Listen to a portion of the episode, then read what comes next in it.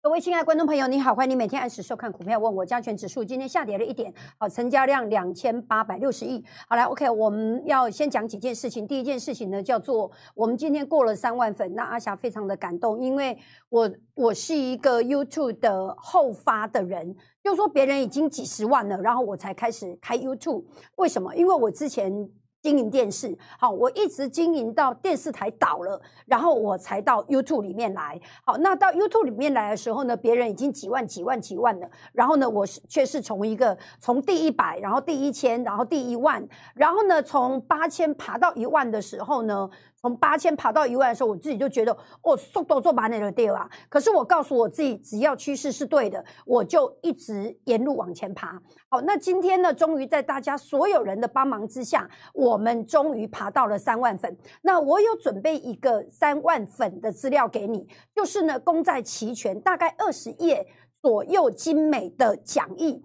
那这个怎么索取呢？第一个呢，你可以第一个，你第一个方法，你可以扫赖，然后你直接打今天的通关密语就是三万粉一百分。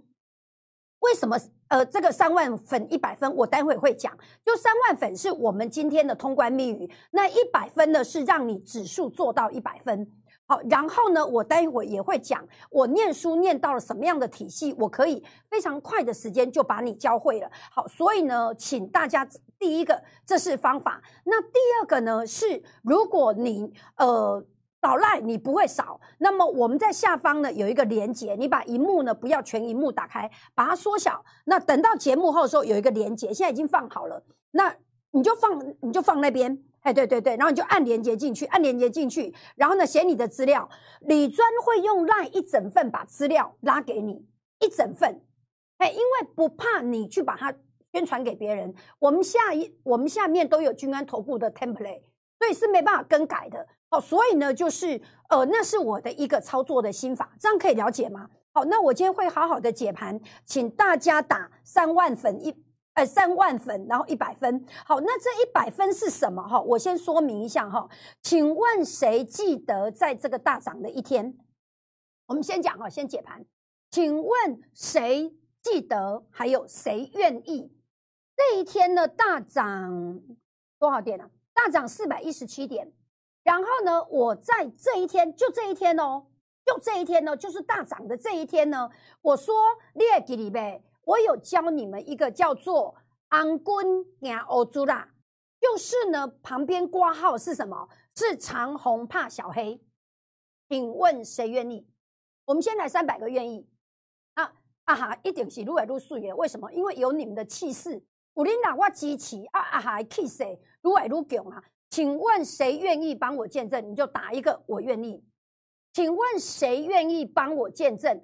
在大涨。四百一十七点的那一天，我的我的解盘，我说咱有一波叫做安坤行欧珠啦，好，非常好。那么呃，梅色愿意，然后呢，荣喜愿意，然后罗华愿意，众乐透愿意，梅花愿意，浩浩愿意，令愿意，还有席荣，还有光速千里马愿意，对，就是要在当天哦，就要在当天哦，要在当天贵刚的波神啊，他们今天还在那边解盘的，就要在当天。就是讲迄个很主席，哪一个分析师能够跳脱当天的氛围，直接跟你解盘的？安尼迄个较厉害。对，你啊，感觉阿哈有寡亲，就是因为你有寡亲。你如果看完我的节目，你认为说啊，阿哈梁阿霞、君安投顾梁碧霞跟其他分析师没什么差别。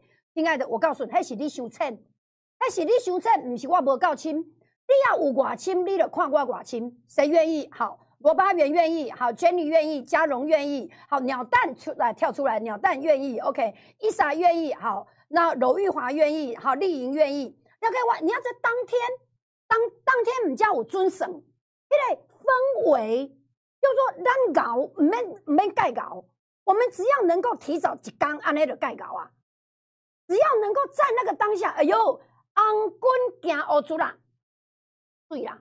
安尼就水啊！今嘛有安坤行欧洲啦不？有喏，当然嘛有。为什么？因为你怕他破底。好来，那再来了，我们今天要庆祝三万粉嘛，哈！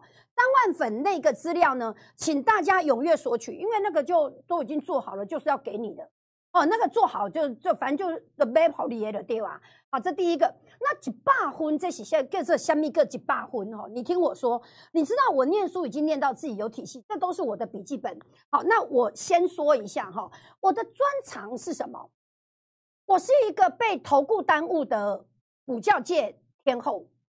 如果呢，对，这是真的，我很会教。如果我到补教界去，我可以把所有的理论基础。全部都把它变成图形。我举个例子好了，这这一本这个这是我的笔记本了哈。OK，我随便打开一页。OK，亲爱的，我跟你讲哈，我怎么背的？例如说呢，delta nature，OK，就是呢要呃综合，要综合它的 delta，就是要综合它的波动率，而且伽马要比较大。OK，它具有什么特色？然后呢，我把题目变成这样。OK，我的意思就是说，你要怎么读书？你要怎么读书？这图是我自己画的。那图是我在你在任何教科书都没有，我可以跟你保证，你可以把这个画面，然后呢把它按停留，然后切下来，然后你去任何的教科书里面找，你去找衍生性金融商品里面有没有任何一个教授他有这种图？我告诉你没有，没有，这是我自己发明的，这个叫念书念到自己的体系。什么叫念书念到自己的体系？然后呢，你就要背，你要背位置，对对对对，你要背位置，好，这个是扣。这是第三象限，然后它增加，它增加，它减少，所以你要再背一个什么？这两个跟这两个的关系是反方向，这两个关系是同方向，就这样。所以呢，把图画出来之后，然后去想，他现在在考你的这里，还是他在考你这里？这个叫做念书念到自己的体系。好，例如说，我举个例子好了，固固定式向后看，反正就这样。这个全部都是什么？我我自己把图画出来，然后我再想。他在考我的这里，还在考我这里。例如说，我再随便举个例，OK，butterfly，OK，蝴蝶式的价差，蝴蝶式的价差，它用四百个价位，然后你要用多少个单位去平衡它？这是我的笔记。所以呢，然后再过来，如果呢，呃，自由利率，RF 叫自由利率，自由利率，然后 CK 加 PS，假设这两个固定，然后 C 会怎么样？这是我念书的，好，那我我要说的事情什么？我要说的事情叫做来回来哈，我们永远不知道已经嘛被打烂出多几波，所以呢，我们就要把现在这个看清楚，然后把未来的下一步看清楚。那我要怎么样才能看清楚呢？你听我说哈，一直刚我公家给安军给欧洲啦，对不对？那现在什么？今天看谁，今天。弄过头了哈！今天的大盘，今天的大盘没有回补这个缺口，没有，还没有，还没有，还没有。我认为会啊，还没有。所以呢，股票是一个时间跟空间的概念。这个时间跟空间的概念是什么？这一边呢，这一边，这一边它开始量缩。所以呢，我三月份的，我三月份的指数看这里哈。就说很很多人说啊，我的早你挂康，我的来放康，安尼就好啊。我免参加会员啊。我讲你也要安尼吼，啊你你要自己知影讲，这这这基手是做右路的，怎么样做右路哈？我没有要说我全对，我要说的事情叫做你爱五郎帮你跨前跨后。例如说，我举个例子好了，我那天补一七一八八，它也不是最低点，但是我要确认我所有的会员都补得到。好来，你看我补一七一八八，对吧？我补一七一八八，为什么？因为今天礼拜一嘛，吼，礼拜二、礼拜三要最后回补了。董事听我讲哦，来看这里，你现在所看到的是一七二六三，这是今天对不对？带你来看呃指数了，我要带你看呃四月份，哇，细的混诶基数不给，看四月，因为要看外资的短仓一七二零八，今天的指数是一七二零八。然后呢，这边是一七二六三，对一两十点，我认为这两天之内不会跌。为什么？因为外资被刷尾。啊，你说这外资刷尾，在咱大家拢知影，在那里个盖无哦。这外资被刷尾，因为你时间是有限的，所以咧，所以你看我报的这个点偌水，就是一七一八八，一报了后，我就会当随时去四月份啊。然后再加上，我刚一点爱蛋糕外资当中动作了，我看怎样，它是要多还要空嘛？来看这里，你现在所看到的是外艺术的工，我是一个，我有把书念通的，我不是读西册，我不是一个读西册的人，各位亲爱的，加权指数今天跌一点，可是台积电跌三块，哇啊，跌三块那有啥？对不起，这是今天最低点。你现在所看到台积电今天的跌三块，已经跌破了上个礼拜五的最低点。上个礼拜五的最低点是五七五，今天是五七二。它的最低点，对不起，五七四，然后今天是五七二。所以今天的收盘，台积电是台积电是这三天来最低点。加权指数还没有回补缺口，它补了没有？台积电补了。这一天的最高点是。五七三，今天收盘五七二了。加权指数的那个大跳空四一七还没有补，可是台积电补了。那可是问题是呢，你点讲啊，那这样子一根奈的三扣，可是一量缩呢？啊，量缩呢？所以我们如果说假设它要大跌，那不就是应该量大吗？啊，万梦离，你现在刚好要转仓位。然后呢？你希望你转的仓位是比较好的，还比较坏的？当然，你希望你转好仓位之前，它不要大跌。所以我认为这两天之内不会跌。我再重新说一次，所以你的策略就不能你只是看太高，或者是说你只是啊随便给它空一个点位，不行。爱无保守，这高品爱无保守，然后再回过头来，那我们必须还多看到什么？再多看到它一列冲啥？看到联发科。台积电没有破底，台积电这三天没有破底，联发科破了。你你有没有看到这么细？这才是外资。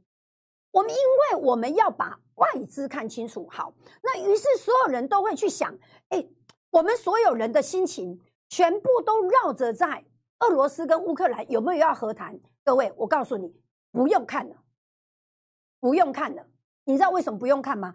会让加权指数跌这一千点。不是乌俄而已，你是跟他收俄仓，不是俄罗斯跟乌克兰而已，而是什么？而是后面还有个升息，对，它这个是双重两个，双重两个东西，两个东西没有这个，也还有这一个。那如果有这两个，那就会急跌；没有这一个，它也是要盘一盘，然后下来。为什么？因为资金变贵。因为这这就是跟经济学有关。我三月份的绩效呢，我赚了两千八百二十七点，这是我三月份的绩效。我大概一个月，我不会，我不会一直一直拼命做。我的目标就是找到最高点，再把它空下去。对，然后呢，找到一个好像快要反弹点了，再把它补起来。就这样，我的方法就这样而已。所以我不会刚刚到咚咚咚咚咚，除非有什么有特别的大力多跟大力空，我认为会反市场操作。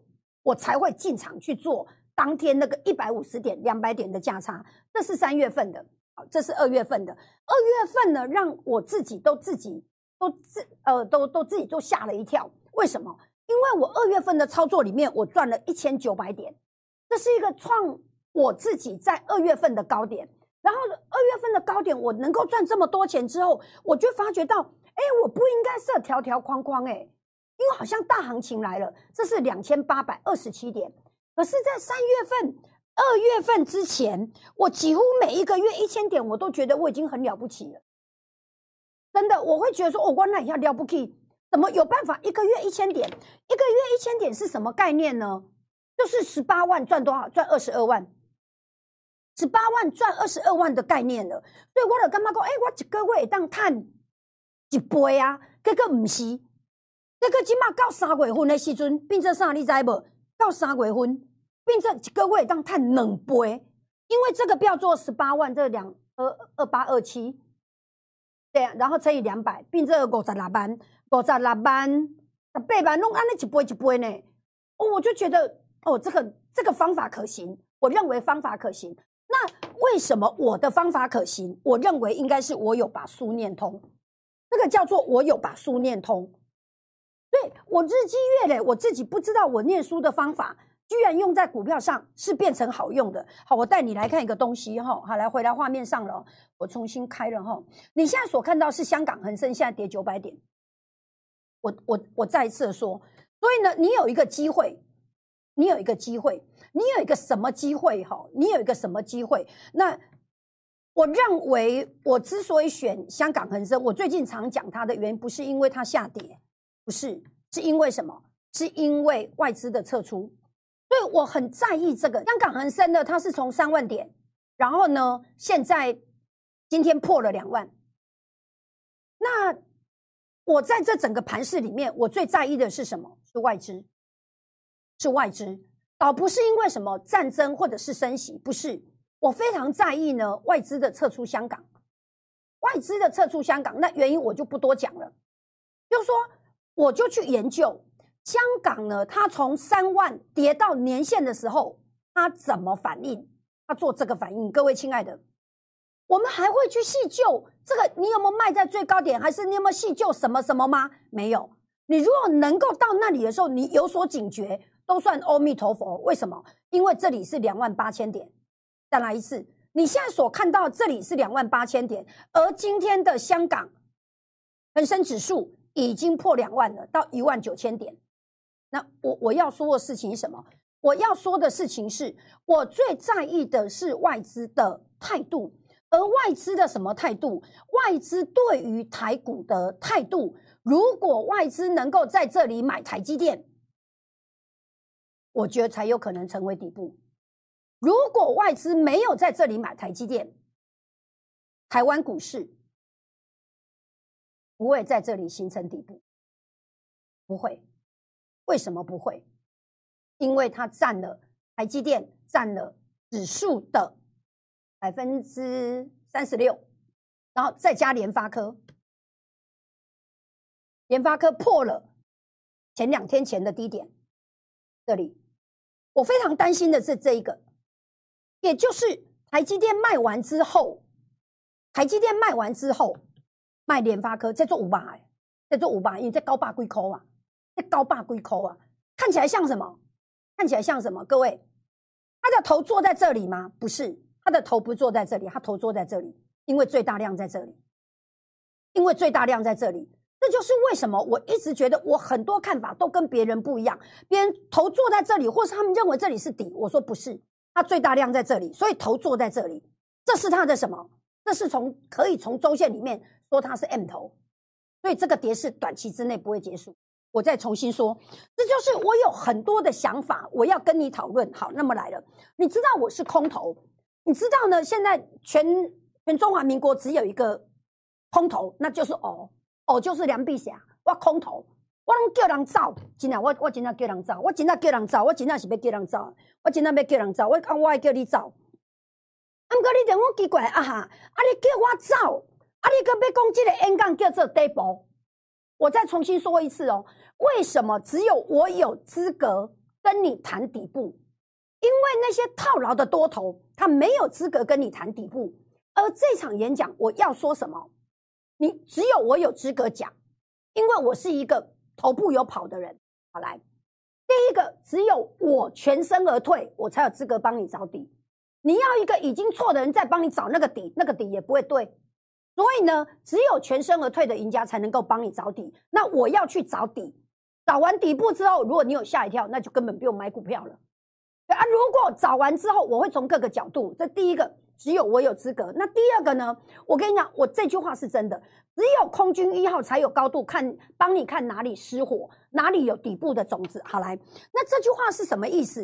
例如说，因为我是空军一号，当你空军一号飞到上空的时候，我带你去看台积电，带你去看联发科，带你去看大力光，带你去看玉金光。而那些看你带你去看哪里失火，带你去看香港，这个叫做看哪里失火。当你不是套牢，而一天到晚期望它反弹，你才有可能找到底部。所以我会从哪一些角度呢来认真听哦？我会从各个面向，好，什么面向？例如说经济成长率，例如说均线，例如说位阶，例如说形态，这是真的。然后从量价，所以这是我的专长，这是我的专长，各位亲爱的。你有上我的战神一，你知道我有办法能够九宫格帮你搞定量价，你知道我有办法六个图帮你搞定形态，各种千变万化的，就是那六种，就只有那六种，所以它怎么变，就是逃不出我们那六个图形。那个六个图形不要给别人看，你自己看就好。对我把你教会，你不需要把别人教会，所以那张表很重要。所以一整一整个战神里面呢，它就是什么？就是两个图形，我就把它搞定了，就跟这个念书一样，这样可以懂我意思吗？就跟念书一样，两个图，这个图形它考哪里？把图形画出来，不要背。这就是为什么我叫你打三万分、一百分的理由。这样可以了解我意思吗？好，再来一次，我是空头，我是全身而退的。全身而退的多头，只有我有资格帮你找底部，因为我已经证明我向上面有跑了。那我所找出来的底部才会客观。那这个底部在哪里？我会用各种方法，你相信我，你所有的什么什么乖，反正我会把所有的乖离什么哇哥，通通都帮你举出来，然后告诉你这个在哪里，这个在哪里，然后提供给你参考。所以没有人有办法办这个演讲。没有人有资格办这个演讲，就是我梁碧霞，这是我要拍着胸脯跟你说的，可惜挂了，对吧？所以我不会只从均均线，或是我不会从量能而已，那个那个只是我们上节目用用而已。我要从各个面向，所以你相信我就对了。我拿你这一一二九九，这是要这这是要内容的，所以这要内容的，让你打从心里面的爱上我。好，来再过来，还有再过来，我我我很简单，我找到我就找到。多低我都会告诉你，这是我对于你的答应。就是说我如果认为这个方法，然后找到这个底部，我认为最可靠，我会告诉你，我不会加以掩饰。所以你需要是什么？真实的，你需要真实的，而不是说你套牢，然后你就去找一个人安慰你。那这样你也你也不用来听我演讲，因为你只是寻求安慰而已。你要是赚钱，不是安慰，不是。你要是赚钱，OK，可以了解。好，那我认为这是烽火连天里面你最需要听的一场演讲。那为什么讲烽火连天呢？回来看来，你现在所看到的是，你有没有看到一条粗粗的线叫十九日？有没有看到这十九日？这是我故意设的。怎么样故意设呢？这条线是什么线？就是这条线比较粗的这条线。从发生战争以来，他们告诉你，因为战争。而买股票的，例如说，你买进了联发科，现在股价是九四四，可是如果你因为战争而买进联发科，你的成本掉在一千零五十六块。再来一次哦，就是这一个二三呃三零，你现在所看到的是台积电，所以我认为这个战争后面的背后好像有一个东西，我有时候不敢讲，又又又觉得。我觉得我稍微讲一下好，要不然我觉得对，因为你们想听最真实的声音。我认为外资在很慎重的把产业锻炼考虑进去。我认为，对我认为，要不然你看哦，这个这个口很大呢，因为战争而买进啊，听到枪炮声呢，我我有强反弹，我有走。好，那你看哦，六百零五到现在五百七十二，阿瓜仔。啊，细着龟壳呢？啊，被趴呢？这么大一个股本，股本多少？两千五百九十三亿耶！多少钱？五百多块呢？这个市值多大？这个这个缺口账是大的。外资什么时候跑的？不是战争，战争是二月二十四，他在什么时候就跑？他在这里就跑了。在一月十四就跑。一月十四是什么？各位，美国对乌克兰提出警告。可能会发生战争，而那时候泽伦斯基说：“对，说不会，说不会。”他说不会。那那时候我卖五百七，哎，我卖六百七十二，对，是因为我觉得量太大，所以我会从我会从量去看形态，而不是从形态去看看那个形态，哎，从价格去看形态，这是不一样的。你有寡轻，你就知我有寡轻啦。你也感觉我无啥，安尼代表你做称的呀。对你，你的深度要够，你才知道我在说什么。好，再随便再举个例子，好了，各位，再随便举个例子，我随便考你哦，这是不是底部？这是不是底部？啊，又反弹了一二三四五，底部，在我的眼中，它不是，它根本弹不起来。为什么？因为它这五天的反弹全部都在最后一根 K 里面，这就是。看的东西不一样，你做出来的决策就不一样。好，那么时间到了，我简单的说一下啊因为，呃，我的习惯呢，是我希望你能够看我的 YouTube，然后呢接收我的 Line，然后呢我因为我的文笔算不错的，我喜欢的用写出来的，这样子你在你的 Line 里面，你就可以一直重复的看。所以呢，各位亲爱的观众朋友，那节目的时间到了，我简单的说一下今天的三个结论。第一个呢，非常感谢你的支持，所以今天我们的这个频道呢，呃，已经超过三万到三万个粉。那么从开始到现在，大概一年半的时间，我觉得非常的了不起。而且我们不是只有三万粉而已，我们是每天的扎扎实实，每天的每个节目的浏览量几乎都到达两万多。那代表我们这三万粉是真的活着的。我觉得我。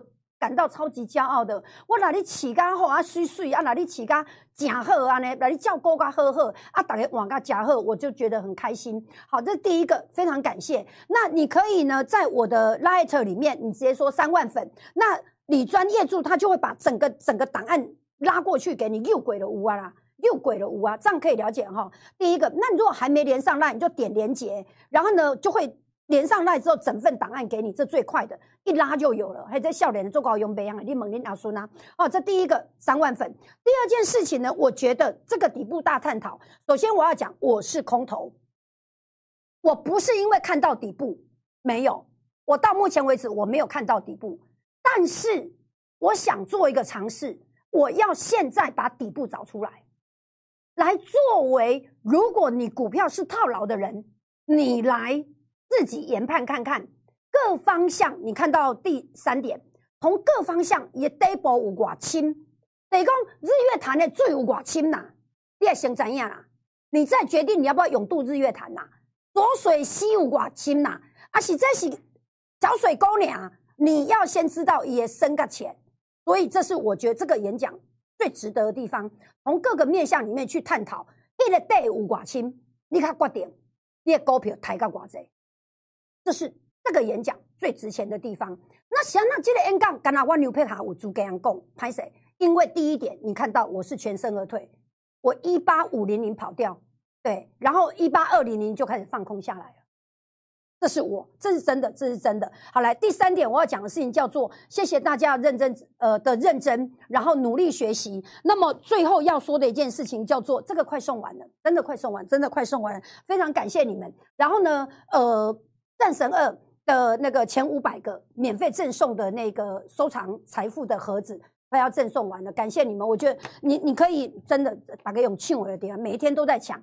大概我估计，因为剩最后不到五十到一百了，我有答应前面五百个全部都是免费的，只要你有买战神一、战神二、战神一、战神二的课程，我都免费送。我是一个非常会教书的人。那请大家呢，如果你已经有上过我的课了，因为呢，你已经是我的学员，你讲一句话比我讲一百句还好。